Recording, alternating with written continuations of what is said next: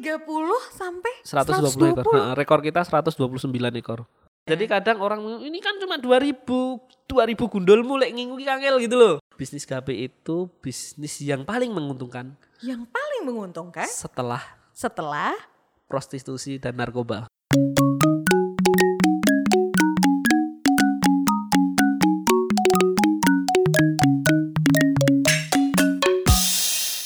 Assalamualaikum warahmatullahi wabarakatuh Halo sahabat Tani, gimana kabarnya hari ini? Mudah-mudahan sehat selalu, terus juga sukses dalam menjalani aktivitasnya Dan hari ini kita bakal nambah ilmu pengetahuan dari sosok inspiratif yaitu Mas Ahmad Taufik Itu sebagai apa? Wah ini adalah uh, Managing Director dari Swasti Farm Yogyakarta Kita langsung ke Mas Taufik Halo Mas Taufik, apa kabar? Halo, alhamdulillah baik. ah, seru banget nih dari kedatangannya Mas Taufik yang kita tunggu-tunggu banget ya kan karena kita pengen tahu nih Mas terkait budidaya uh, ikan gupi. Tapi sebelum itu Swasti Farm tuh berdiri dari tahun berapa sih Mas? Dan mengapa ikan gupi yang terpilih untuk kita budidaya? Maksudnya Swasti Farm budidaya? Jadi Swasti Farm itu berdiri 4 tahun yang lalu 2016. Oke. Okay uh, awalnya dari hobi saja sih sebenarnya. Jadi kita, saya saya punya hobi. Okay. Kebetulan hobi saya itu uh, kenapa gapi gitu karena memang pas itu pilih ikan kok yang paling mudah dibudidayakan gapi. Jadi jadi saya banyak sih seneng ikan ada ikan ikan cupang juga seneng banyak ikan yang saya suka gitu loh. Cuma yang paling mudah dibudidayakan itu ikan gapi. Akhirnya budidayalah ikan gapi semudah apa mas pada saat itu berpikir bahwa uh, ikan hias kan ini kan ikan ha. hias air tawar gupi itu lebih mudah dibanding ikan hias yang ya, lainnya. It, beli sepasang beranak aja gitu tiba-tiba, uh kok ada banyak anaknya gitu. Ah gitu. Jadi nggak nggak ada proses yang perawatan ada. khusus dan segala macam trik-trik atau rahasia biar breedingnya. Iya, nanti nextnya oh, memang ada, oh, tapi memang ada. Pas awalnya, nggak nggak ngerti kayak gitu oh, gitu. ngerti. Akhirnya mm -hmm. saya uh, apa? Ya cari-cari, uh ternyata jenisnya banyak banget ini. Okay. Nah setelah saya cari-cari seller Jogja mungkin ada dia dapat dapat beberapa temen seller iya. Jogja ternyata harganya uh harganya mahal banget mahal mahal banget padahal ketika saat, itu ketika itu pada yeah. saat budidaya maksudnya pada penggemar kan berarti penggemar uh, uh, suka uh. banget pada saat beli itu emang harganya berapa sampai pas tahu ada harga yang lebih mahal daripada saat sepuluh ribu cuma sepasang, sepasang di pasar ribu. pingit gitu kan jadi jadi apa karena cuma segitu terus lihat ikan harga lima ratus ribu satu juta ya kan kaget? Iya dong. Iya. Iya. Nah mulai dari situlah uh, mulai ngajak temen-temen ngajak temen-temen terus kenalan terus ada beberapa ada enam orang lah di Jogja yang deket dengan saya sama-sama hobinya dari situ kita bikin komunitas. Oh, dari situ justru terbentuk komunitas. Iya, karena ikan gapi ini oh, okay. uh, tujuannya dulu adalah supaya oke okay, kamu koleksi A B C D, saya E F G biar banyak koleksinya. Uh -huh. Tapi berenam kan ringan. ya dibanding seorang ya kan? Dibanding seorang ketika yeah. itu. Alhamdulillah berenam itu uh, kita bikin komunitas banyak yang support, banyak yang dukung. Dari enam orang jadi 80 82-an orang. Dari enam orang sampai 80 yeah. orang. Hmm, sampai, Itu komunitasnya namanya apa Mas uh, Taufik? Dulu uh, namanya awalnya itu adalah uh, komunitas Gapi Jogja. Oke. Okay. Kemudian jadi karena kita nginduk ke nasional namanya IGPA Jogja, Indonesian Gapi Popularis Association of Yogyakarta. Tadi Mas uh, Taufik tuh ngebahas tentang awalnya Swastiva berdiri itu dari komunitas. Hmm. Komunitas yang dari 6 sampai 80 orang. Itu ya. gimana ya. Mas ceritanya? Ya kita kan sering kumpul-kumpul, ngobrol-ngobrol, kadang sampai beberapa juga kita bikin event bareng sampai berapa kali, tiga atau empat kali saya lupa. Jadi yang uh, apa dari situlah uh, mulai kita bareng-bareng gitu loh. Tetapi ke sininya memang kita nggak nggak yang yang punya pemikiran yang sama gitu loh. Oh, okay, ya kan okay. ada yang benar-benar pengen terjun serius, ada yang enggak karena di KP ini kan banyak, banyak orang ya? yang misal nih ada yang dia udah kerja di kantoran misal cuma KP sebagai hiburan aja Sampingan di rumah. Sampingan juga gitu ya. Ya kalau disuruh serius juga dia mikir-mikir juga oh, kan oh, okay, gitu okay.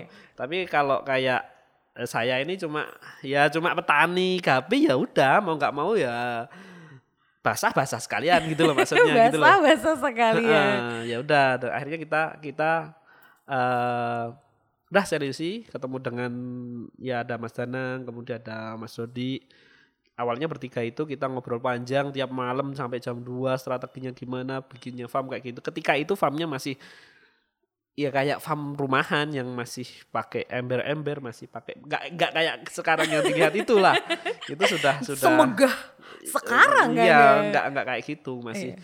masih tahap perencanaan perencanaan perencanaan nah akhirnya akhirnya ya udah cuma jalan bertiga itu kemudian ya kita eh, mulai nambah akuarium mulai nambah koleksi ikan kemudian kita juga oh sudah ada permintaan penjualan mulai dikit dikit dikit dikit gitu. Kemudian kita benar-benar serius kita bikinlah ada tim produksi ada tim marketing kayak gitu kayak gitu. Jadi- kita bikin organisasinya di situ gitu. Ada Oke. termasuk saya juga jadi managing director ada juga managing yang research and development ada managing marketing juga gitu loh. Akhirnya di situ kita bikin organisasinya supaya bisa terorganisir dan bisa menjadi industri gitu loh. Kita kan eh, punya cita-cita yang sama yaitu Gapi ini menjadi sebuah industri. Nggak cuma sekedar wah ini kan cuma ikan hias kecil eh diremehkan gitu loh. Iya, kita iya. peli- eh, apa pelihara ikan itu diremehkan gitu loh. Nggak lagi kita mau bikin industri. Karena mungkin orang Indonesia belum lihat misal kalau di Sri Lanka ada Lumbini ada industri gapi besar banget dia gitu. Kemudian di Israel itu produksi terbesar di dunia untuk ikan gapi gitu. Belum bel- belum sampai ke sana soalnya di sana kita udah dapat informasi itu kebetulan duluan gitu loh. Makanya kita wah serius sih lah Indonesia. Jadi ini peluang yang besar banget kalau kita bikin farm gede karena belum ada. Iya, di Indonesia belum, belum ada. ada. Oke. nah akhirnya ya inilah jadilah swasti farm ini yang kita bener-bener apa ya udah bener-bener ya udah basah-basah sekalian di situ gitu loh Jadi nyemplung-nyemplung sekalian dan akhirnya jadi bisnis dan jadi industri gitu ya. iya Oke. Nah, waktu pada saat di awal kan udah bikin managing director, udah kebagian plot-plotnya. Itu Iya. per- eh, analisis apa yang dipakai bisnis pada saat eh, mau mewujudkan swasti farm? Iya pembagian tugas saja sih sebenarnya Oke. bukan bukan yang pakai analisis yang detail-detail enggak sih kita pembagian tugas saja kebetulan ketika itu cuma ada orang itu Ketika itu ada orang itu. Punya yang penting punya visi yang sama. iya bahkan saya managing director itu merangkap sebagai ya produksi merangkap packing ketika itu. Karena cuma orang itu ketika itu gitu loh. Cuma sekarang aja sudah ada yang lain yang lain nah sudah sekarang sudah mulai berpikir strategi kalau saya. Oke, baik. Heeh. Berarti potensi di Indonesia ini untuk ikan gapi ini amat sangat besar berarti. Karena kan belum ada swa, eh, su- eh, budidaya ikan gapi Belum sebesar ada. ini gitu. belum ada yang serius ya Heeh. kalau industri ikan hias besar banyak mungkin ya tapi yang serius di ikan gapi itu eh, saya kira belum ada Belum ada. masih masih model yang ya rumah tangga lah Oke. Mm, belum belum kepikiran sampai sebesar ini padahal peluangnya gede Peluangnya gede emang pangsa pasar dari ikan gapi itu di mana aja sih Mas? Maksudnya sebesar apa potensinya terus pangsa pasarnya di mana aja? Kalau di lokal sendiri Indonesia sendiri kita pun udah kirim bahkan sampai Papua permintaan banyak banget cuma nggak bisa ngirimnya karena kondisi misal penerbangan kita gitu loh Oke. Nah, tapi kalau ke luar negeri justru malah kita cepet karena kita bisa misal ke Amerika aja nggak butuh sampai seminggu Udah nyampe ke sana. bisa gitu loh tinggal Wow. kan kita pakai transceiver nunggu kapan dia berangkat kapan pesawat berangkat ke Amerika kita Iya. tinggal tunggu itu gitu loh jadi tidak yang berangkat sendiri ke sana enggak gitu Jadi emang permintaannya banyak dari dalam dan luar negeri. permintaannya itu banyak dari dalam dan luar negeri cuma ya eh, untuk saat ini untuk saat ini memang permintaan terbanyak memang di dalam negeri memang terbanyak Paling banyak. iya heeh. di luar negeri malah iya ada cuma enggak banyak banget enggak Gak banyak banget. Jadi potensinya juga amat sangat luar biasa nih Iya, Tani. heeh. Jadi jadi ini kan apa ya produk yang sebenarnya itu bisa dikirim ke seluruh dunia sebenarnya. Produk Yang, yang, bisa, dikirim ke seluruh dunia. heeh. Dan untuk produk pertanian itu kan nggak kena biaya cukai. Ah, gitu. Jadi yang kena biaya cukai produk pertanian yang kena biaya cukai itu cuma tembakau. Tembakau. Dan eh, misal kayak tembakau, terus menyan, terus cengkeh, lembak, macam-macam itu kena kena cukai. Kena cukai. Cuma kalau produk pertanian kayak perikanan, kemudian peternakan itu nggak kena. oh nggak kena. Nah hebatnya di ikan gapi ini dia ikannya itu kan kecil, Iya, mudah bener. packagingnya dan di dalam kantong bisa tahan sampai 6 sampai 7 hari. 6 sampai 7 hari Mas Heeh, bisa Taufik. tahan asal suhunya suhu anu ya dijaga suhunya, jangan jangan panas atau jangan terlalu dingin. Misal ke Eropa beku nanti kalau nggak di handling bagus gitu misalnya. Gitu. Emang suhu berapa saat packing itu yang cocok untuk ikan Suhu sampai antara bertahan? 23 sampai 29. Jangan lebih atau jangan kurang dari itu. Oke, baik. Heeh. Gitu. Wah, sahabat Tani seru banget mengenai potensi budidaya ikan gapi.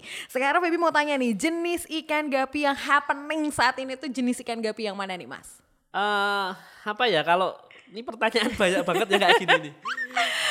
Kalau kalau saya sih sebenarnya kita swasti farm itu Iya. eh, bicaranya kan dengan data. Oke. Jadi nggak bisa saya bilang ini hari ini AFR, tapi nggak ada datanya. no. Jadi kalau swasti farm selalu eh, data, tapi data yang kita dapatkan dari penjualan kita, kita nggak bisa ngakses penjualan teman-teman yang lain, yang Yang lain. yang petani-petani lain kita nggak bisa ngakses tuh. Heeh. Yang kita bisa akses ya petani eh, di di Swasti. itu sendiri. Nah kita selalu bikin sembilan ikan eh, tren tiap bulannya. Tiap Jadi- bulannya. eh, Jadi per per bulan tuh beda-beda ya, Mas ya? Iya, nanti bisa dicek di Instagramnya Swasti.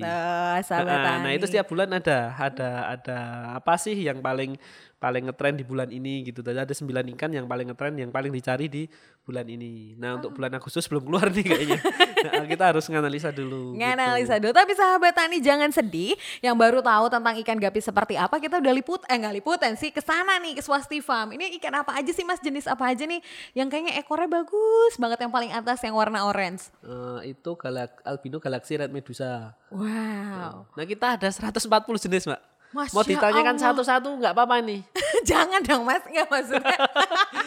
Banyak banget kalau 101 mah kita jam 9 pagi nanti. Atau seharian. Tapi ini bagus-bagus ya mas kalau ya dilihat. jadi gapi itu kalau gini klasifikasinya bisa dibagi di bentuk ekor walaupun Oke. jenisnya kan ribuan jenisnya. Ribuan Ah, tapi jenisnya. untuk memudahkan klasifikasi itu bisa dari jenis ekor dari warna juga. Nah jenis ekor itu yang populer di Indonesia itu ada delta. Delta, bentuk segitiga. Segitiga, nah half moon. Half moon, yang setengah lingkarannya Oke, dia kayak Kem- bulan gitu. Ah, kemudian ada swatel Swatel, ekor pedang ekor pedang. nah tadi ekor pedang tadi nah, Oh, ini kalau ini ini delta nih Oh, delta. Ini delta ada SWOT, ada yang krontel. Krontel. Heeh. Jadi dia kayak krontel itu artinya kan kayak mahkota, tapi kalau di bahasa Indonesianya itu kayak serit, kayak jungkat. Jadi dia nggak ada selaputnya. Oh, oke oke oke. Ada juga shorttail yang ekor pendek. Ekor pendek. Heeh, it- Banyak banget ya Banyak berarti. ada sebenarnya ada banyak lagi. Cuma yang populer di Indonesia eh, rata-rata itu. Rata-rata itu. Nah, SWOT itu pun dibagi tiga, ada yang top SWOT, bottom SWOT, ada yang pintail yang bagian tengah. Gitu. Shorttail ada yang roundtail, ada yang uh, speartail. Masya Allah banyak banget Itu ya. dari ekornya. Nanti dari bentuk Badannya, warnanya, oh, warnanya. warnanya itu ada uh, solid, ada corak, Oke, ada patternnya yang, uh, gitu ya. pattern, ada taksido.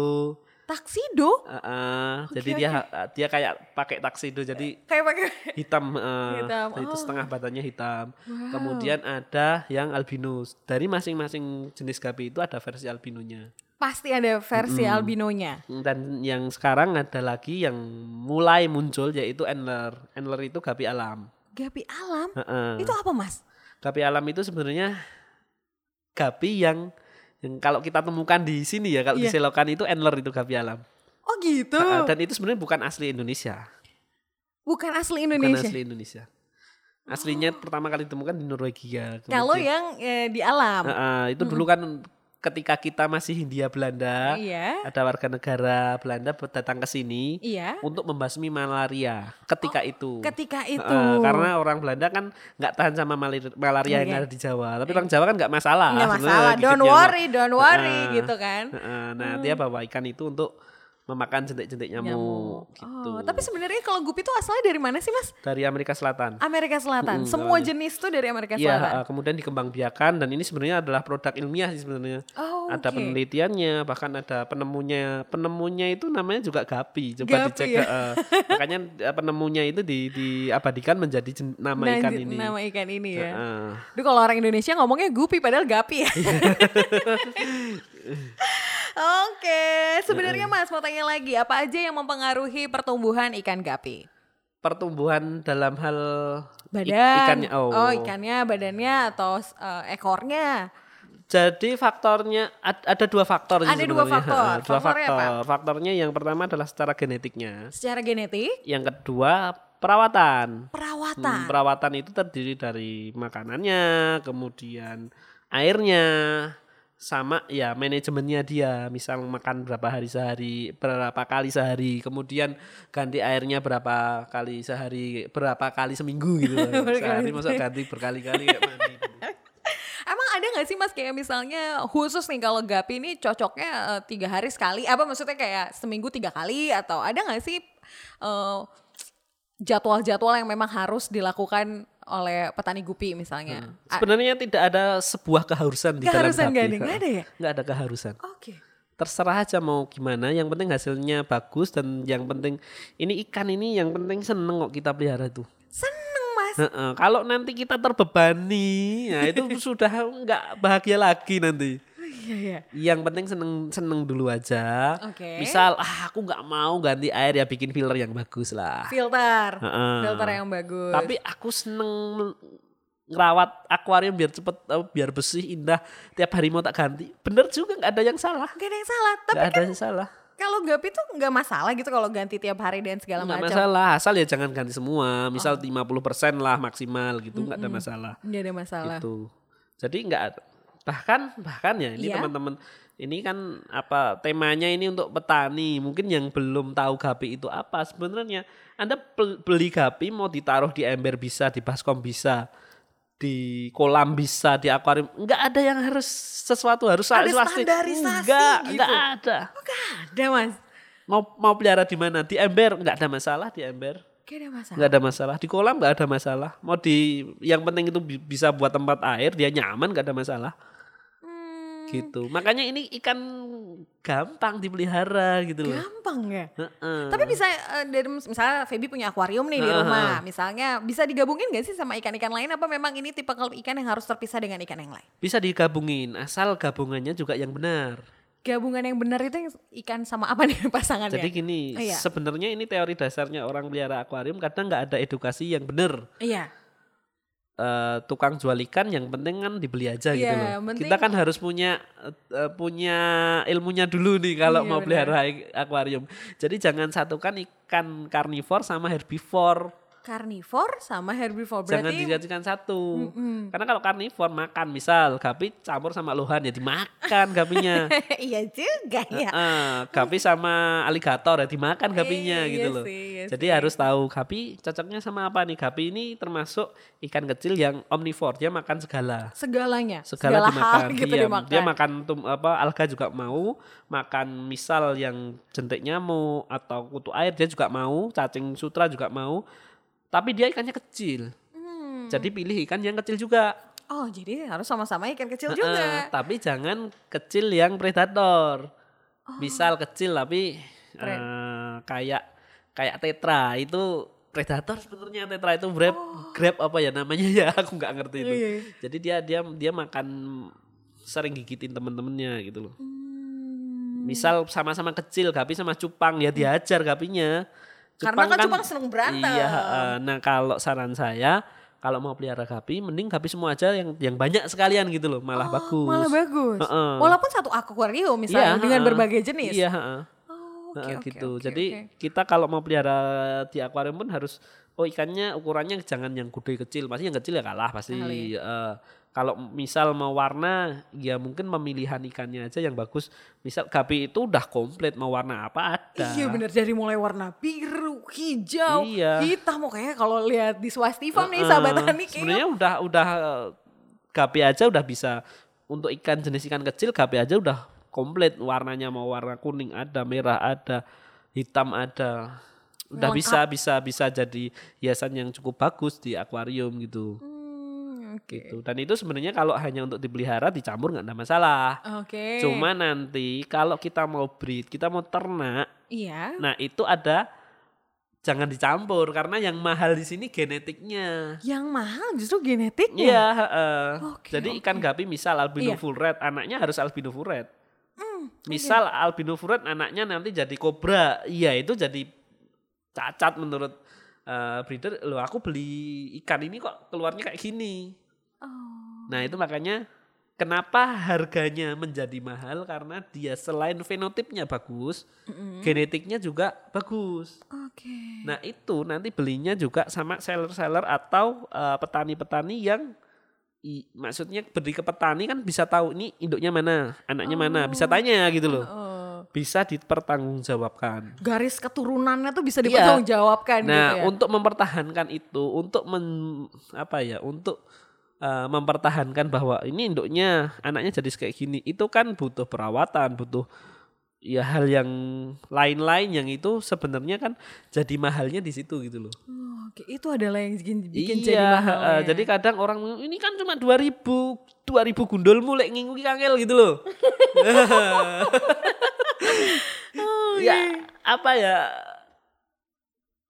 perjuangan kita untuk mendapatkan ikan yang bagus itu nggak sekedar cuma kayak gitu walaupun nanti kalau kita bahas biaya operasional berapa sih gitu Iya, ya memang betul. dikit tapi kan waktunya Oke. apa iya petani tiga bulan Nah, tiga bulan wah HP-nya tiap hari dikasih makan dirawat bagus-bagus jadi bagus cuma 2000 kan ya nggak cucuk tau. Iya benar, nggak cocok banget ya Ah, gitu. Nah ini, ini ini saya juga salah satu mungkin menyuarakan bagi teman-teman uh, petani gapi juga ini saya mengkampanyekan supaya petani gapi itu juga naik kelas juga. Oke. Jangan jangan mau ketika kita jual ikan gapi dengan genetik yang bagus dijual dengan harga yang murah. Oke. Karena itu untuk beli indukan aja pasti udah mahal.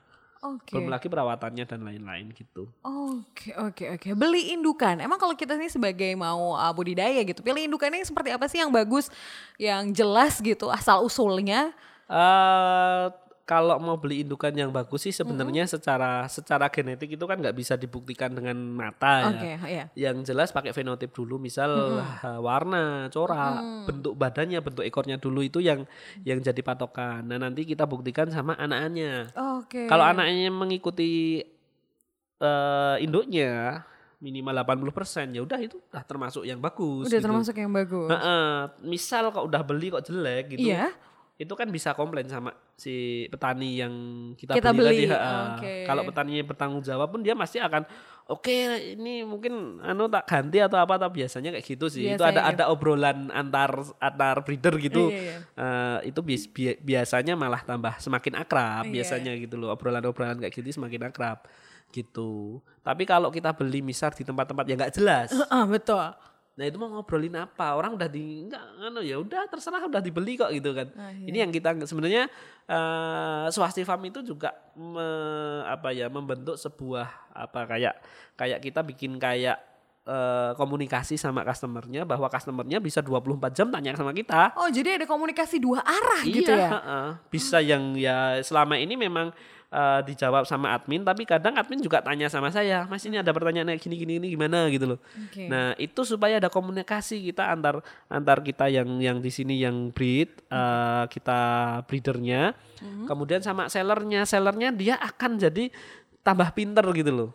Nah, ini ini sebenarnya yang mungkin mungkin beberapa breeder yang belum belum melakukan kadang ditanya nggak mau dia nggak urusan gitu kan Iya, jangan iya, sampai iya. kayak gini karena apa karena edukasi ini bukan berarti dia nanti tambah pinter terus tambah nyanyi enggak Enggak ya mas Enggak. ya? Jenis gapi itu ribuan, nggak mungkin dipegang sama satu orang. Swasti itu cuma baru punya 140 jenis, masih ada ratusan jenis lain atau bahkan ribuan jenis yang belum kita koleksi gitu loh. Iya. Jadi masih banyak sekali peluang yang di sini nggak ada yang namanya namanya rebutan pasar, Iya, atau ngambil rezeki orang. ngambil rezeki orang, Iya, rusak iya. pasar, Iya, gitu. nggak ada sebenarnya. Nggak ada ya. Kalau kita saling komunikasi, kita jalin komunikasi dengan baik gitu loh. Oke. Jadi pemilihan induk indukan juga mempengaruhi siapa petani yang kita beli berarti ya? Iya, Indukan iya. mana dari mana kita Iya, beli Nah berarti. itu itu makanya ada beberapa beberapa customer kita memang loyal dari sama kita karena apa udah udah kadung percaya gitu loh. Nah itu. Oh. Nah itu yang benar-benar dijaga. Nah ini mungkin teknik marketingnya dari Swasti Farm itu adalah menjaga customer ini supaya bisa dilayani apa pun pertanyaannya bisa kita jawab gitu loh. Dan percaya sahabat tani kalau mau beli tuh Iya, percaya ke Swasti. Farm jadi, gitu ya. Jadi mungkin nggak cuma di ikan gapi ya, di Iya. semua produk pertanian kalau si petani itu care sama customernya, Iya. Customernya aja akan jadi loyal gitu loh. Pasti sih. Heeh. Pasti nah ini banget. kadang-kadang yang yang mungkin kita selama ini kan petani itu cuma hanya berpikir produksi produksi produksi produksi. Oh iya betul. Nah tapi lupa sama marketing. Iya. Hulu ke hilirnya tuh tidak diperhatikan Iya, secara ha- walaupun marketing dia misal ke B2B, misal Iya. dia mau langsung ke pedagang atau ke supplier lain atau apa, tapi kalau kita jaga benar-benar marketingnya, selain kita produksi, kita pikir prak- berpikir marketing itu harus kita jaga, ya nanti akan tumbuh. Jadi petani itu juga nggak sekedar cuma jadi petani Iya betul ya. eh, apa ya keren gitu loh. Petani itu keren gitu loh. Betul petani itu keren loh luar biasa loh. Masya Allah. Dan ini luas kan sektor pertanian itu kebetulan aja kita di ikan, Ikan hias. ah, ikan hias. Ah, Nah ini mudah-mudahan sih nanti teman-teman ini terutama kalau teman-teman milenial, milenial itu kan pengen yang keren-keren nih. Iya benar. Terus apa di sosial media, Iya. di Instagram keren. Ya salah satu pilihannya ya memang bisa di ikan hias atau mungkin di di sektor-sektor yang itu masih dalam tanda kutip masih jadi hobi gitu loh. Iya. Itu bisa jadi keren. Walaupun sebenarnya di sektor-sektor eh, misal di sektor yang pokok itu juga keren juga sebenarnya. Cuma kalau eh, teman-teman eh, ini kalau mau pengen memulai bisnis, memulai usaha di sektor pertanian memang enaknya di sektor-sektor di eh, hobi itu lebih enak. Lebih enak. Apalagi yang paling bertahan di saat pandemi ini kan Iya. pertanian, perikanan, peternakan Iya, ya. Grafiknya naik loh berarti. Signifikan. Oke Eh. Mas Taufik, ini mau tanya juga nih kan sedia payung sebelum hujan, ibarat peribahasa gitu ya. Ah. Bagaimana sih Mas strateginya untuk membuat kondisi nyaman, optimal bagi ikan gapi terhindar dari penyakit atau kematian? Oke, selain perawatan yang bagus ya perawatan itu jadi gini kadang-kadang yang pelihara mungkin kalau pertama kali nggak nggak meng- mungkin dengan air itu nggak ngeh Nggak ngeh ya Mas nggak ya? ngeh pikirnya air itu semua sama gitu loh Iya tapi benar. kalau nanti udah pelihara 2-3 bulan tahu nih uh airnya ini udah nggak bagus nih Oke. oh ikannya nggak nyaman nih oh ikannya ya mungkin eh, Mbak Febri punya hewan peliharaan mungkin kan misal kucing atau apa ketika dia nggak mau makan ini oh ada apa Ada ini yang aneh Ya, gitu nih ya. iya kayak gitu Oke, by feeling kalau udah suka dan udah mencintai sesuatu tuh udah pakai feeling Nah, gitu jadi ya. kita akan tahu oh ini ini mau sakit nih. Nah, ini nah kebetulan pasti punya produk ini. Produk Ada apa nih, Mas? MMC Medical Medical Contra. Itu tuh apa sih Medical Mas? Medical Contra. Ini obat salah satu obat yang kita racik dan oke. ini karena banyak sekali customer kita bertanya ini saya sakit ikannya ya. Ini, ini beli obatnya apa? Beli di Iya, mana? betul Nah, dong. akhirnya kita bikin kayak gini dan ini alhamdulillah ini termasuk eh, best seller juga. Jadi Best seller juga Mas. permintaannya banyak banget Banyak banget. karena musimnya ini ini mungkin informasi bagi teman-teman yang belum tahu Iya. di musim seperti ini mulai bulan Juli dan Agustus Oke. itu cuaca dingin Iya bener, kalau malam kan dingin banget, tapi Ah. kalau siang tuh Masya Allah panas. ya itu efek di ikan itu jadi nggak Signifikan. sehat Oke. mudah terkena jamur mudah terkena penyakit nah nanti salah satunya pakai ini untuk perawatan jadi setiap ganti air teteskan ini aja Oh, emang sakitnya gapi itu apa sih mas? Penyakitnya Eh, gapi, ikan gapi? penyakit gapi itu selama ini yang nyerang gapi itu kalau kalau ini untuk obat luar ya ada Iya. ada penyakit dalam juga ada yang misal Oh. dari perutnya dari misal pencernaannya dari reproduksinya ada juga Ada sebenarnya. juga. tapi kebanyakan yang nyerang kebanyakan yang nyerang itu ada white spot White spot, ya itu karena jamur, Jamur. kemudian ada velvet velvet. velvet itu juga jamur juga jadi dia cirinya goyang-goyang ikannya Oh goyang-goyang.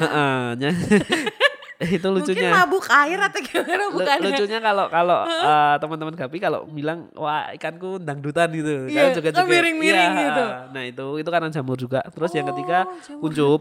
Ekornya kuncup. Ekornya kuncup. ekornya kan kalau Gapi kan ekornya Iya, ah, ah, kan. indah nah gitu dia ya. kuncup. Oke. nah itu karena jamur. Nah ada satu lagi karena bakteri namanya finrod Finroot, iya jadi dia eh, kayak kebakar ekornya kayak kebakar. Heeh, kena luka kayak luka bakar gitu itu karena bakteri Bakteri. Nah, nah, nanti bisa pakai ini. Tapi ada penyakit yang lainnya ya, ada bloating misal, ada cacing calamanus, kemudian ada di insangnya kena kena kayak infeksi di insang, kemudian ada reproduksi juga kadang ada reproduksinya yang Nah, ini ada yang lucu nih. Wes, Penasaran ada nih, baby. beberapa ikan itu yang kalau kita sebut itu kayak wandu. Jadi nggak jantan, nggak betina. Jadi Ada, di secara ikan juga ada? iya secara secara fenotipnya itu dia kayak jantan gitu loh. Kayak Tapi jantan. tapi bentuk badannya jadi bentuk badannya kayak betina tapi ada motifnya gitu loh. Oke. Nah, gonopodiumnya nggak jelas, jadi dia kayak betina tapi nggak jantan juga nggak betina nggak dan dia nggak mau ngawin dan nggak mau punya anak. Oh, jadi single and very happy ya. Nah, it- Oke. nah itu mungkin cacat secara genetik ya, Oh, bukan karena pergaulan ya itu ya. ya siapa tahu salah bergaul jadi oleng-oleng gitu. karena pergaulan itu memang karena genetik kayak gitu. Oke, Ada genetik. secara genetik kayak gitu. Ada beberapa persen yang keluar kayak gitu. Oke, Gitu. nentuin jantan dan betina. Tadi kan Bibi nggak tahu nih, kan gapi itu be- beda ini dari apa sih, Mas? Kalau paling enak sih dari warnanya ya. Kalau Hmm. yang jantan itu warnanya mencolok. Mencolok. Ekornya eh, lebar. cantik. Iya. Gitu ya. Kalau jantan tuh justru cantik. Ya makanya kita ada- namanya swasti. swasti itu adalah artinya Ya kan itu anak cewek yang cantik. anak artinya. yang cantik. Iya, heeh, makanya dipakai sama orang kalau di Indonesia orang Bali, orang Jawa pakai banyak pakai nama-nama swasti, swastika. Oh, iya benar benar. Dan orang-orang India, orang-orang Sri Lanka, orang-orang Bangladesh itu pakai nama swasti. Dan nama swasti ini kan dipakai sama salah satu agama swastiastu. Oh, iya. Nah, karena kecantikannya inilah kita pilih nama swasti. Oke oke karena memang cantik, Cantik. walaupun cowok juga cantik Iya, ya. Justru malah yang cowok yang cantik. Nah, yang betina itu cenderung dia lebih apa warnanya lebih lebih ke warna dasarnya. Dia nggak ada motifnya. Oh. Cuma warna biasanya di ekor, corak di oke, ekor, oke. badannya nggak ada warnanya. Oke. Cuma dia secara bentuk tubuh perutnya besar. perutnya besar. Ada kantong telurnya. Jadi di bagian ujung perut itu warnanya hitam itu namanya kantong telur. Oh, oke oke oke oke. Nah, nah, itu ciri-ciri betina dan itu nampak ketika usia satu setengah sampai dua bulan. Satu setengah sampai dua bulan itu ukurannya berapa sih mas kalau kalau ukuran satu sampai dua kalau bulan? Paling kira-kira 2 sampai 3 cm ya. Dua sampai tiga Nah, senti. maksimal paling ukuran paling 6 6 cm 7 cm udah gede banget sih. Hmm, Gitu. Tujuh senti itu udah yang paling besar ya. Gede banget, udah gede banget.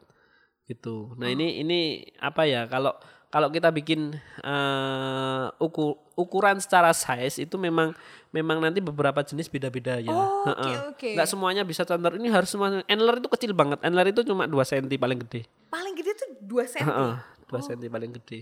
Yang untuk jantannya betina lebih besar lagi sih. Oke. Nah, tapi eh apa ya? Masing-masing dia memiliki karakter masing-masing. Jadi di Gapi itu Iya, iya. misal kita pelihara lima jenis, Oke. punya lima jenis karakter Lima, Gapi. lima jenis karakter. Ya. Dan itu nggak nggak bisa nggak bisa. Ini misal ya Iya, AFR, AFR itu punya karakter sendiri. Dia mudah mati, makannya agak sulit, nggak boleh telat makan, nggak mau dipindah-pindahin. Oh, jadi walaupun sama namanya, maksudnya namanya sama-sama Gapi, tapi memang karakternya beda-beda. Iya, na- nanti di Gapi itu kan ada jenisnya AFR Iya. misal. AFR itu paling paling sulit menurut menurut saya. Iya. Walaupun ada beberapa yang yang ahli tapi menurut saya paling sulit itu karena paling manja gitu loh menurut. Oh, itu kalau oke. anak ya anak paling manja dia. Rewel.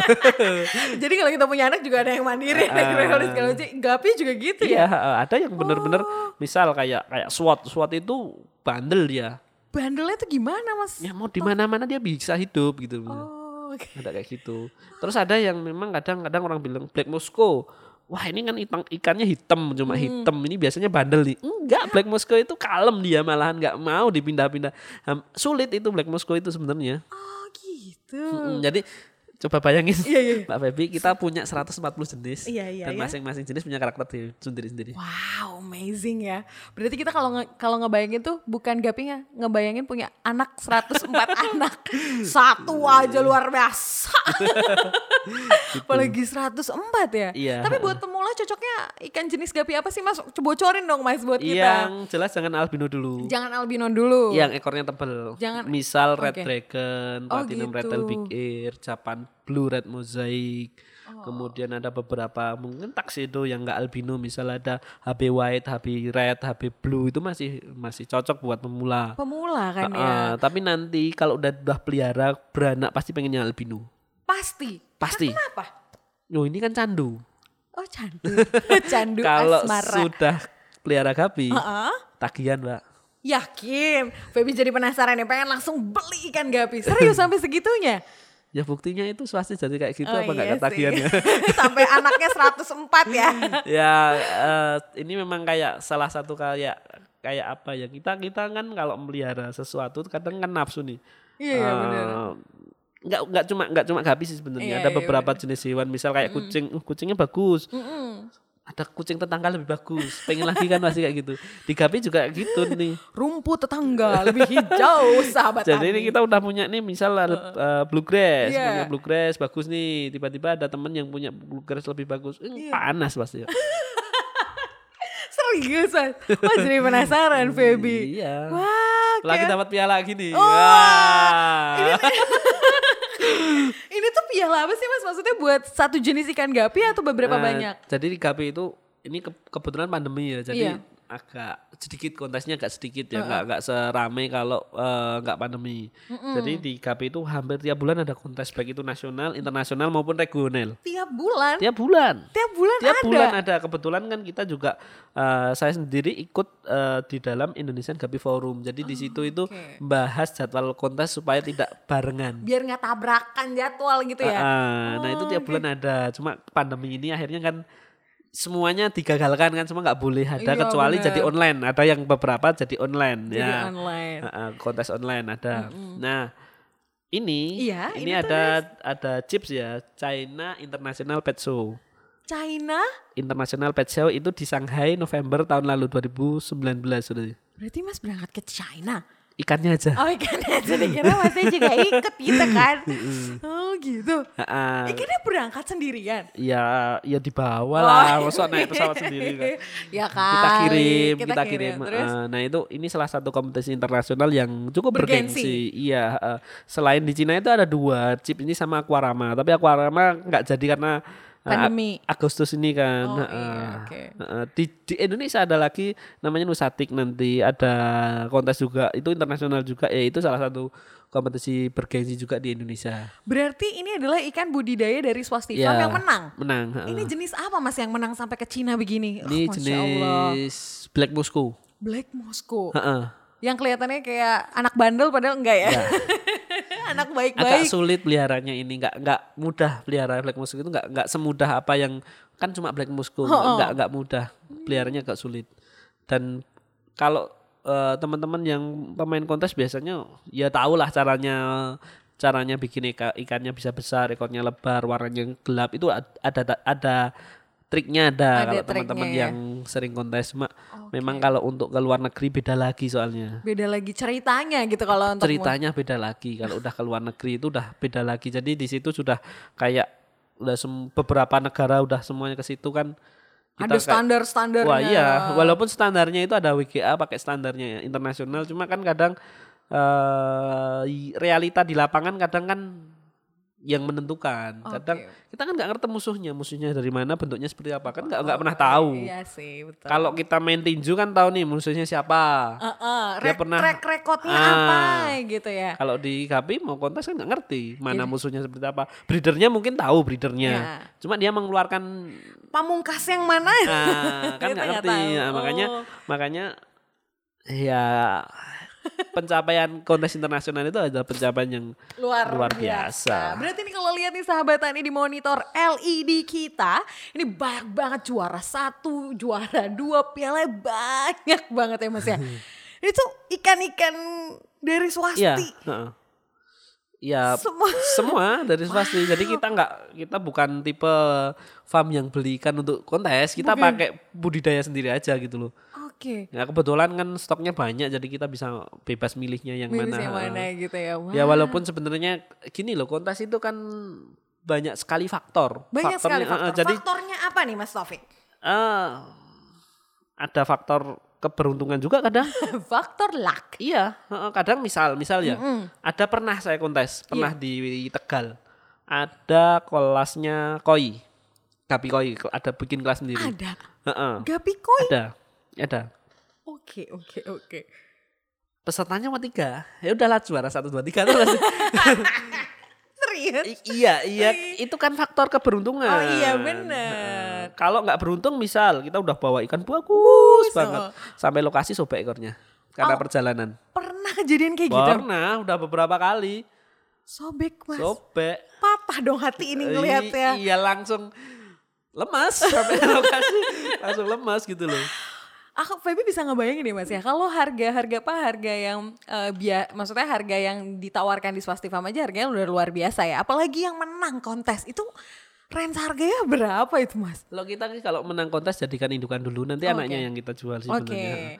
It- itu beberapa tapi sebenarnya kita kadang kalau di luar kota ya, Iya. misal kayak di luar negeri ini ikannya ditinggal di sana. Ikannya ditinggal di sana. buat panitia, buat support panitia untuk dilelang di sana, buat buat support panitia untuk eventnya panitia itu. Oh gitu baik. Dan baik. kita lakukan juga di Indonesia supaya biar kita itu kayak budaya budaya orang kalau orang luar Iya. kontes ditinggal buat panitia untuk lelang, buat seru-seruan, buat dana juga kan panitia butuh Butuh dana untuk- juga. iya. Nah di Indonesia ini belum kayak gitu. Oh iya ya benar. Masih yang wah ini jagoanku saya bawa pulang buat kontes nextnya lagi Iya. gitu. Nah kita sih Jadi juara bertahan ya kan? Iya, sebenarnya kita kalau kalau saya sih sebenarnya mendukung kayak orang-orang luar yang ya udah kontes ditinggal aja buat panitia untuk dilelang. Ya nanti pertama untuk support si panitia sendiri karena jadi ya kebetulan saya pernah jadi panitia itu sulit sekali kalau di urusan dana sponsor macam-macam kayak gitu. Kalau ada yang support kayak gitu kan lebih Lebih mudah, gitu mudah, ya. lebih ringan. Yang kedua kan kita memacu kita ya udah ini menang ya udah kita harus produksi lagi gitu loh. Oh, iya. Jadi biar semangat juga untuk Iya, produksi heeh. gitu ya. Kalau cuma satu gitu menang terus gitu kan kayak ya berarti cuma itu, Itu-itu toh, aja. ah, produksinya nggak banyak gitu aja. Oke. Jadi semakin banyak eh, semakin banyak yang Mm-hmm. kita apa yang kita ya udah buat panitia pun ini kan berarti secara produksi banyak. Secara produksi banyak Iya, ya. Kasih tahu dong mas, range harganya nih dari berapa sampai berapa yang ditawarkan dari swastika? Mungkin Di- sahabat Tani juga penasaran. Swasti nggak mahal kok. Oh murah kok. iyalah. Itu segi kalau paling murah itu 125.000 ribu per 100 pasang. Per pasang. Paling mahal 1,6 1,6 juta. 1,6 juta. Oke, Ah, ah. baik, baik, baik, baik, baik. Murah itu. Oh iya, iya, baik. Ada yang lebih mahal, Mas. Hah? Mahal, Mas. Ya, gini. Eh, Iya, iya, oke, oke. Kita, kita, kita. Hitung-hitungan ya, kita Oke, hitung-hitungan. hitung-hitungan. Oke. 1,6. Iya, oke. Yang paling mahal lah, yang murah. Singkirkan. yang paling mahal 1,6. Oke, oke. Beli satu pasang. Oke, dapat dua kan berarti Ya, kan? jantan sama. Oke. Pasti tak bonusin betina lagi lah bisa. Oh iya? Hubungi saya. terus terus gimana lagi? Ah, dari satu pasang itu nanti kan dia beranak. Gak usah banyak-banyak lah, anaknya 30 ekor aja lah. Emang sekali bertelur berapa kalau ikan gapi? Beranak itu antara, ya kalau sudah usia 4 bulan itu 30 sampai 120 bisa lah. 30 sampai 120 ekor. Nah, rekor kita 129 ekor. Wow, Pernah. banyak juga. Heeh. Tapi gundut banget perutnya. ya iya. Tapi itu itu kayak kayak semacam ya rekor. Mungkin teman-teman yang punya farm pasti punya rekor berapa banyak. Berapa berapa banyak? Iya, Kalau oke. dihitung ya, tapi banyak yang nggak ngitung sih soalnya. nah itu eh 30 ekor misalnya. Udahlah taruhlah kita pasang jadi 15 pasang keluar. Nggak usah banyak-banyak lah. Yang bisa dijual cuma 10 pasang. Oke. Dijual 500 ribu aja. 10 ya? 5 juta. Sudah untung belum? Udah dong. Ya udah. Mahal apa murah? Oh, murah dong. Kalau- cuan, cuan, cuan, cuan gitu ya. Makanya swasti nggak jual mahal sih, murah Enggak kok. sih murah Heeh. ya. Dan saya yakin kalau beli ikan 1,6 Iya. dijual 500 sudah rebutan pasti. Serius mas. Jadi pengen nih baby. ya kita itu kalau ngerilis ikan ya rata-rata di range harga 1 juta ke atas lah ya. Kalau udah pas ngerilis gitu, udah kayak antri beli kacang. Oh ya? Sampai rame banget gitu ya? Karena Iya, keuntungan dan potensi iya, peluangnya itu cukup tinggi gitu. Iya, Bukan cukup ya, tinggi lah. Iya.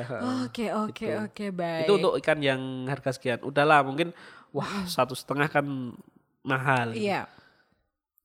Coba Kita ya. turunkan yang 125 Oke. sepasang. Sepasang. Hitungannya seperti tadi. Seperti tadi. Keluarlah bayi-bayi Ah. itu. Bisa dijual 10 pasang aja. Dengan harga 500 ribu, eh, 50 ribu aja wis. Masa 500 bisa? ribu. Iya. Masa Masa nggak balik bisa? modal break even point ya gitu ya? Iya, heeh. jadi jadi kadang kita kita sering sebutnya gini Mbak, mohon Iya. maaf nih. Iya, iya, iya. Bisnis gape itu bisnis yang paling menguntungkan Yang paling menguntungkan setelah setelah prostitusi dan narkoba. Allahu Akbar la haula wala quwata serius. itu untungnya kayak gitu kok. Iya sih ya bener ya. Berarti kalau misalnya Feby nih, udah langsung semangat banget nih 45 nih. Terus kalau misalnya beli yang 125 deh, dari beli sampai akhirnya panen dan bisa dijual itu butuh berapa waktu berapa lama? Tiga bulan. Tiga bulan. Ha. Berapa biaya operasional yang harus Feby keluarkan dalam tiga bulan itu? Per ekor itu tidak lebih dari seribu rupiah. Ah yang bener mas, seribu rupiah. Oke ini ini pakan ini. Iya, iya, itu Ini pakan, pakan. Ini 50 gram. Itu 50 gram Ada pakan. eh, untuk untuk satu pasang atau untuk sa- sampai anak-anaknya ini Iya. bisa sampai bisa empat bulan. Ada yang yang membutuhkan ini bisa sampai empat bulan. 4 bulan, emang ngasih makannya seberapa seberapa sih? Lah ikannya kecil kan makanya iya, dikit benar banget. sih. Iya, iya, iya. Ini pakan ini termasuk pakan yang premium ya harganya premium. harganya tujuh puluh lima ribu. Tujuh puluh lima ribu. Heeh. Tapi kalau sampai tiga bulan mah tuh ya memang harganya cuma seribu ya. Iya Oh my god. per ekor. Oke oke. Include perawatannya dan segala macam berarti. Eh, mungkin kalau perawatan tenaga ya nggak dihitung lah tenaga. Oh, iya sih. Kalau harus Kalau pakai tenaga banyak. kerja ya beda lagi Eh, nanti. beda urusan. Ya, Ini beda urusan. maksudnya ini masih masih kita masih handle kelas- sendiri. Iya, karena kan mungkin banyak banget sahabat tani yang lagi ngekos atau lagi apa di rumah pengen ha-ha. punya sampingan Iya, Kayak kan. sampingan aja lah, bukan bukan yang Utama. Kalau, kalau nanti mau mau jadiin utama bisa juga, ya pasti bisa lah itu. Orang ber- swasti aja bisa ya kan. Iya. Ha-ha. oke. Nah ini ini gambaran-gambarannya kayak gitu. Oke. Saking mudahnya, saking murahnya. Makanya saya bilang bisnis ini adalah bisnis yang paling menguntungkan setelah itu. Setelah itu, oke. Setelah itu sahabat tani masih penasaran sebenarnya cara berkembang biak ikan gap itu seperti apa? Mulai dari kan kita udah beli nih, beli pasangan. Dari pasangan nanti mungkin dia akan eh, melakukan eh, pemijahan, bener kan? Dia kawin. Dan dari kawin itu apa yang ada treatment khusus nggak? Ah, sampai akhirnya kita bisa panen. Jadi cuma misah aja betina yang mau melahirkan supaya kita dapat anak-anaknya 100%. Oh, oke. Jadi Kalau enggak dimakan masalahnya. dimakan sama siapa? Sama induknya. Sama ibunya. Iya kanibal. Semua ikan itu kanibal sebenarnya. Semua ikan tuh kan. Semua ikan kanibal. Oh, oke, Feby baru tahu nih Mas Taufik. Ya maksudnya adalah Iya. mungkin si ibunya nggak kanibal tapi temennya Oh. atau yang lain-lainnya dia akan makan anaknya gitu loh. Makanya kita jaga. Nah ini ada salah satu gambar ini di, bawah itu kita Sini pakai ya Mas ya. uh, breeding box. Jadi itu 100% anaknya keluar aman, tidak dimakan induk maupun teman-temannya. Oke. Mm. biar uh, ada ada pembatas walaupun satu akuarium tapi ada Iya, pembatas yang tersendiri antara si anaknya sama ibunya. dan itu itu beranaknya ya tadi antara 30 sampai 120. Kita kita ambil tengahnya lah. 60 misalnya. 50 aja Oh, lah. 50. 50. Kalau sehari kita mungkin ada 20 sampai 25 ekor itu beranak. Produksi per hari udah 1000. Produksi sehari udah seribu mas. Heeh. Wow. Berarti kan cepet kan Langsung ngitung. Teng, teng, teng. gitu. Oke oke oke. Dari misal 160 udah eh, keluar em, maksimal atau 50 dari 50, 50 kalau aja. jadi semua coba jadi apa itu? Iya, makanya kalau pelihara gapi itu biasanya tanknya kan tambah tambah tambah tambah terus. Tank tuh akuarium akuariumnya ya. Ah, Enggak, karena apa? Anaknya ber- anaknya akan banyak banget. Akan banyak Heeh. banget. Nanti pembesaran ada proses seleksi. Oh. Jadi ikan-ikan yang kita jual di swasti itu adalah ikan-ikan yang sudah melalui seleksi yang cukup ketat. Seleksinya apa tuh mas? Iya, secara fenotip kita seleksi. Jadi misal ekor sobek, Udah bukan. enggak, kemudian mungkin bengkok badannya. Badangan bisa bengkok. Ya, ha- karena ada beberapa mungkin eh, ketika kecil Iya. dia eh, apa ya lahirnya nggak nggak normal prematur Nggak gitu normal. loh kadang oh, kayak gitu. ada juga ya. Heeh, Oke, terus oke. ada yang misal dia stunting, stunting itu Kurang gizi. kurang gizi Oh. karena direbut sama teman-temannya. Kan dia kan kompetisi tuh cari makannya, ha, kan kalau Iya. Karena yang makan apa aja juga ya Heeh, kalau yang itu ya. males-malesan kan dia akan nggak dapat makanan. Oh. Akhirnya dia stunting, dia nggak nggak nggak mau nggak bisa tumbuh dengan maksimal. Kita itu kita seleksi biasanya. Oh, gitu. oke. Alat apa aja sih yang Mas dibutuhkan untuk kita budidaya ikan gape? Ya tadi semua alat bisa lah. Bisa Nggak usah pakai oksigen gitu. bisa. Maksudnya nggak pakai juga nggak apa-apa. Nggak apa-apa. Nggak ada yang serius? salah di Gapi itu. Pokoknya asal bisa bisa gunakan. Mantap. Awalnya itu saya pakai baskom, pakai ember. Baskom. Rebutan Karena sama istri juga sih. Iyalah kan kita masak butuh baskom. Sampai itu apa magicom itu buat anak nasi pun bisa. Mas serius? Serius, kita butuh Magicom, awas aja dimasak. Kit- kita kita itu butuh tempat banyak banget kalau pas musim beranak kayak gitu pas wah banyak betina yang harus beranak itu ya butuh tempat banyak banget Betul, banyak banget ya. Heeh. Apalagi kalau misalnya kita ngebedain itu kan lagi apa mijahan, lagi segala macam, ditambah lagi karantina nih. Biasanya kan Gupi itu di karantina pada saat apa? Selain Oke. sakit misalnya. sebenarnya kita karantina ada yang sakit ada yang kan datang Oh, Nah, jadi Swasti Farm itu punya namanya CKIB CKIB itu dikeluarkan sama Balai Karantina mm-mm. Ikan dan Pengemban- Pengendalian Mutu BKIPM Yogyakarta Oke. Nah kita dapat sertifikasi CKIB itu fungsinya adalah ketika kita kirim harus melalui penerbangan kita dapat lisensi untuk bisa lolos, Heeh, Langsung nggak usah dicek cek cek cek lagi gitu ya. Heeh. Jadi tiap bulan. Hmm. kita dicek sih sebenarnya. Kita tiap bulan dicek kesehatannya ikan, kemudian SOP-nya di farm seperti apa, eh, sanitasi kemarin kan sana harus Oh pakai iya, sendal bener. macam-macam kayak gitu. Itu kalau misalnya main juga kan suka lepas Oh iya, sepatu, harus kita lepas sepatu, bersih, ganti enak banget, foto-foto di sana, karena bagus Nah, banget walaupun tempatnya. seperti itu kadang kan ada yang wah aku harus gini gini eh itu SOP-nya dari harus Iya, dilaksanakan karena harus kan itu juga farm gitu Iya, kan ya, udah sekelas farm. itu dan- masih mending ya kita nggak ganti baju harusnya ganti baju loh Ya, sahabat Tani kalau ke sana harus bawa baju ganti berarti.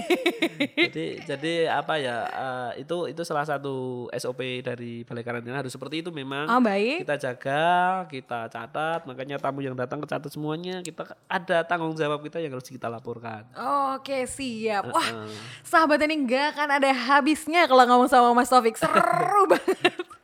Sama ini nih Mas Taufik masih penasaran aja Feby. Kalau misalnya kita di akuarium kan ada tanaman-tanamannya. Iya, Cocok nggak sih kan Gapi kalau di akuarium ditambahin ada tanaman-tanamannya?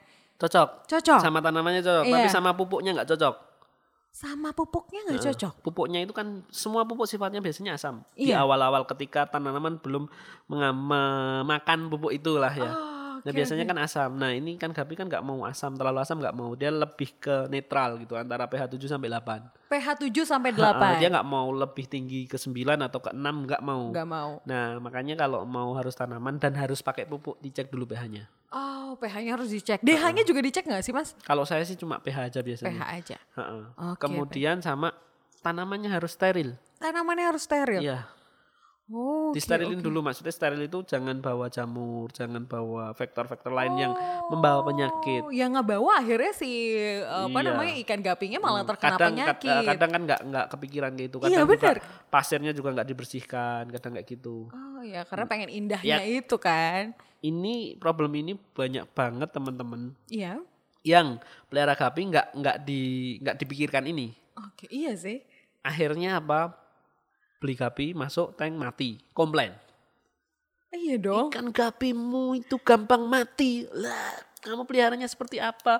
Orang dikasih pelihara gampang, peliharanya itu gampang. Malah buat susah gitu Malah ya. buat susah dikasih terlalu terlalu Banyak Ah, ornamen-ornamen ah, yang sebenarnya iya. nggak perlu juga nggak apa-apa. nggak apa-apa justru pakai polosan aja tapi nggak Oke, masalah oke, gitu oke, oke. seandainya memang harus pakai seperti itu juga harus steril ya kayak kita kan tahu steril akhirnya ketika pandemi ini kan Iya benar benar benar. Iya kalau kan dulu kita harus kayaknya cuci tangan harus apa? kayak dulu kalau makan pecel lele Ya, eh, ada tisu basah nggak ada Ah, oke gitu Nah, gitu kan. di ikan pun ya gitu. Apa pun yang masuk ke tank harus steril dulu.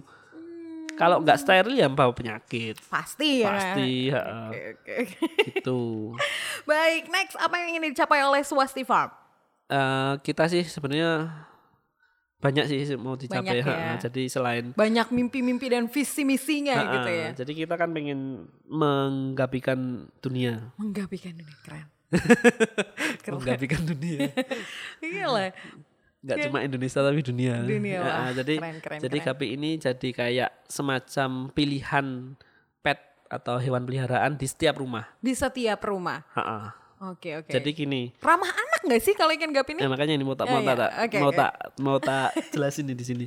Jadi jadi gapi ini kan ikan hias Iya. yang dia kecil, enggak yang bahaya nggak ada racunnya apa pun gitu loh. Nah dan dia itu sangat-sangat ramah sama anak kecil. Oke. Bisa dipelihara anak kecil bahkan tanpa tadi macam-macam mesin mesin itu kan bahaya. Misal konslet atau apa atau apa Iya betul. eh, bahaya juga kan. Nah ini nggak usah pakai mesin yang ribet gitu bisa hidup gitu loh. Dan ini sangat cocok sekali buat anak-anak. Kemudian orang pelihara hewan peliharaan itu kan pasti akan tanya durability atau ini berapa tahun hidupnya gitu Iya kan. bener. Nah, kenapa kenapa anjing dan kucing menjadi hewan peliharaan sekarang yang mayoritas orang pelihara di Punya dunia. gitu ya. Bahkan di dunia gitu loh. Karena dia durability-nya antara 10 sampai 25 tahun gitu kan. Nah, gapi ini punya durability bukan si ikannya ini tapi dia punya anak-anak anak-anaknya.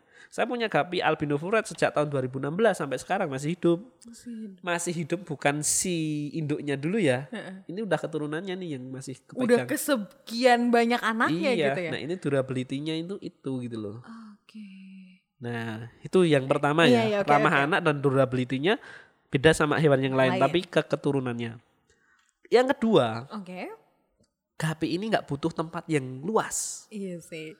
Apalagi di urban farming kayak gini nih kayak Nah. perkotaan tuh kayak lahan tuh susah banget Ya, gitu ya. kita pernah ngobrol sama eh, Pak Wakil Wali Kota Jogja Oke. dan diterima bagus banget. Wah, ini solusi perikanan di kota Jogja misal. Kenapa? Karena dalam satu kit- kita misal nih di di, di rumah, rumah Iya. ya, rumah yang sederhana ya aja.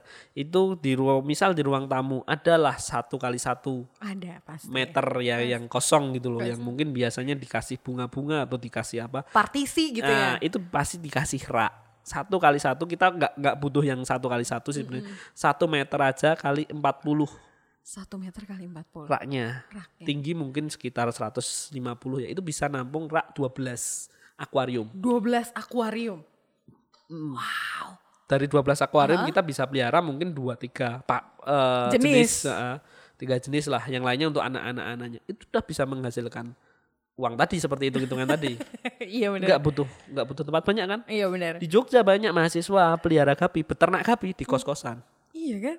Mana ada pertanian yang bisa hidup di kos-kosan coba? Iya iya. Gak ada kayaknya susah ya.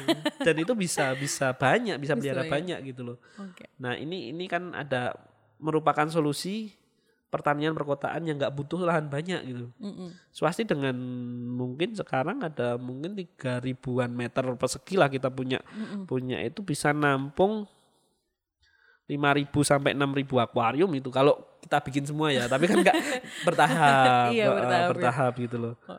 untuk yang yang di farm yang sekarang itu ada sekitar 600 akuarium kapasitasnya mungkin sekitar 20.000 ekor aja cuma itu satu rumah itu satu rumah kayak gitu Oke. artinya kita tidak butuh lahan yang cukup Luas. luas nah makanya ini adalah ya ini mudah-mudahan sih eh, para petani yang ada di perkotaan bisa menjadi oh ini solusi ini Iya. betul. gitu loh selain mungkin hidroponik dan lain-lainnya bisa Iya. dikombin tapi Gapi punya punya Keunggulan. keunggulan sendiri yang itu ramah anak kemudian mudah dipelihara nggak butuh tempat yang besar gitu kan Oke. Jadi solusi juga buat sahabat tani yang pengen budidaya tapi misalnya nggak punya tempat yang Iya. luas gitu ya. Terakhir ini Mas. Terakhir, Baby mau tanya bagaimana sebenarnya dukungan pemerintah dalam meningkatkan atau mengembangkan budidaya gupi di Indonesia? Kalau pemerintah sih sebenarnya secara global memang memang mendukung kita ya Iya. karena kita termasuk juga salah satu apa ya salah satu salah satu penggiat ikan budidaya karena di, Oke. di pemerintah di dinas-dinas biasanya ada apa, budidaya ada Iya. ada yang budidaya dan eh, ini cukup cukup didukung secara secara mungkin secara apa ya secara supportnya dia akan dukung kita dikasih panggung misal, misal kompetisi di kontes atau apa gitu kita memang eh, selalu didukung. Cuma mungkin eh, ada beberapa masukan dari saya misal untuk pengiriman kemudian eh, beberapa inilah perizinan-perizinan macam-macam itu mungkin bisa di lebih dipermudahkan lagi dan lebih misal antara dinas pertanian, karantina sama bandaranya itu lebih satu satu kata lah gitu. ya, Hmm, biar- Jadi satu satu apa ya? Satu pintu ibaratnya gitu. Ha-ha. Jadi nggak nggak ribet gitu. Jadi Ha-ha. petani juga jadi semangat untuk Iya, uh, budidaya ikan iya, gapi. karena kita memang genetik kita apalagi orang Jawa ya itu udah petani. Iya. Mau ditaruh di Amerika, mau ditaruh di mana-mana tetap Iya, nanam tanaman pasti. Bener ya? Karena kita nenek moyang apa ya? Nenek moyang kita seorang pelaut iya, tapi setelah di darat menanam. Pasti nanam ya. Iya, heeh. jadi memang kita nggak bisa nggak bisa di nggak bisa dijauhkan atau nggak bisa dipisahkan dengan petani karena tani itu udah genetiknya orang Udah Indonesia. mendarah daging gitu ya. Heeh, se- secara genetiknya itu udah ada ada jiwa taninya yang di di orang Indonesia itu sendiri dan kita kan juga sudah bilang bahwa negara kita adalah negara maritim Betul. negara yang punya garis pantai terbanyak terpanjang gitu kan Iya betul. otomatis perikanan Indonesia berarti potensinya sangat besar sekali Betul. nah ini tinggal sekarang masyarakatnya sendiri bisa memanfaatkan enggak pemerintah sendiri bisa support enggak Oh iya Nah, benar. itu. Ayo sahabat tani, kalau masih masih bingung kira-kira mau budidaya apa ini menjadi solusi, Ya. ya kan buat uh, kita yang berada di kota, gitu ya. Iya, heeh. potensi tadi udah jelasin. Uh, udah jelas. Oh, Keuntungan? analisis udah jelas. Semuanya udah oke sahabat tani. Apalagi prosesnya hanya tiga bulan ya. Tiga bulan. Break even pointnya nggak bertahun-tahun, tiga bulan aja cukup. Dan buat sahabat tani juga yang ada di rumah atau lagi nonton konten ini tani eh, terkait budidaya ikan gapi ya kan, bisa langsung ke websitenya di Ya. www.swasti-stripfarm.co.id. Bener Ya. kan ya Mas Taufik? swasti.desfarm.co.id. Oke. Iya. Ya, betul. Ya betul. Terus juga di Facebooknya bisa di Swasti Pengrajin Gupi dan di Instagramnya tanpa spasi Swasti Pengrajin Gupi atau bisa telepon bisa kan ya Mas ya? WhatsApp aja Oh telepon. WhatsApp, oh ya. Kalau telepon nggak diangkat Nggak diangkat ya. Akhirnya cantik banget sih sahabat kalau mau. Iya, di 081770605043 nanti ketemu langsung dengan Siska. Siska, uh, cakep. Oke, sahabat Tani, well done. Terima kasih untuk Mas Taufik Ya. sudah hadir berbagi ilmu tuker pikiran untuk kemajuan bersama. Sama-sama. Terima kasih Ya, banyak. mudah-mudahan ini menjadi manfaat dan sebagai motivasi bagi Betul, teman-teman pemuda yang pengen bertani. betul. Masya Allah. Pokoknya semangat buat sahabat Tani. Sampai jumpa lagi di episode selanjutnya. Febi Hasta Lafisa pamit. Wassalamualaikum warahmatullahi wabarakatuh.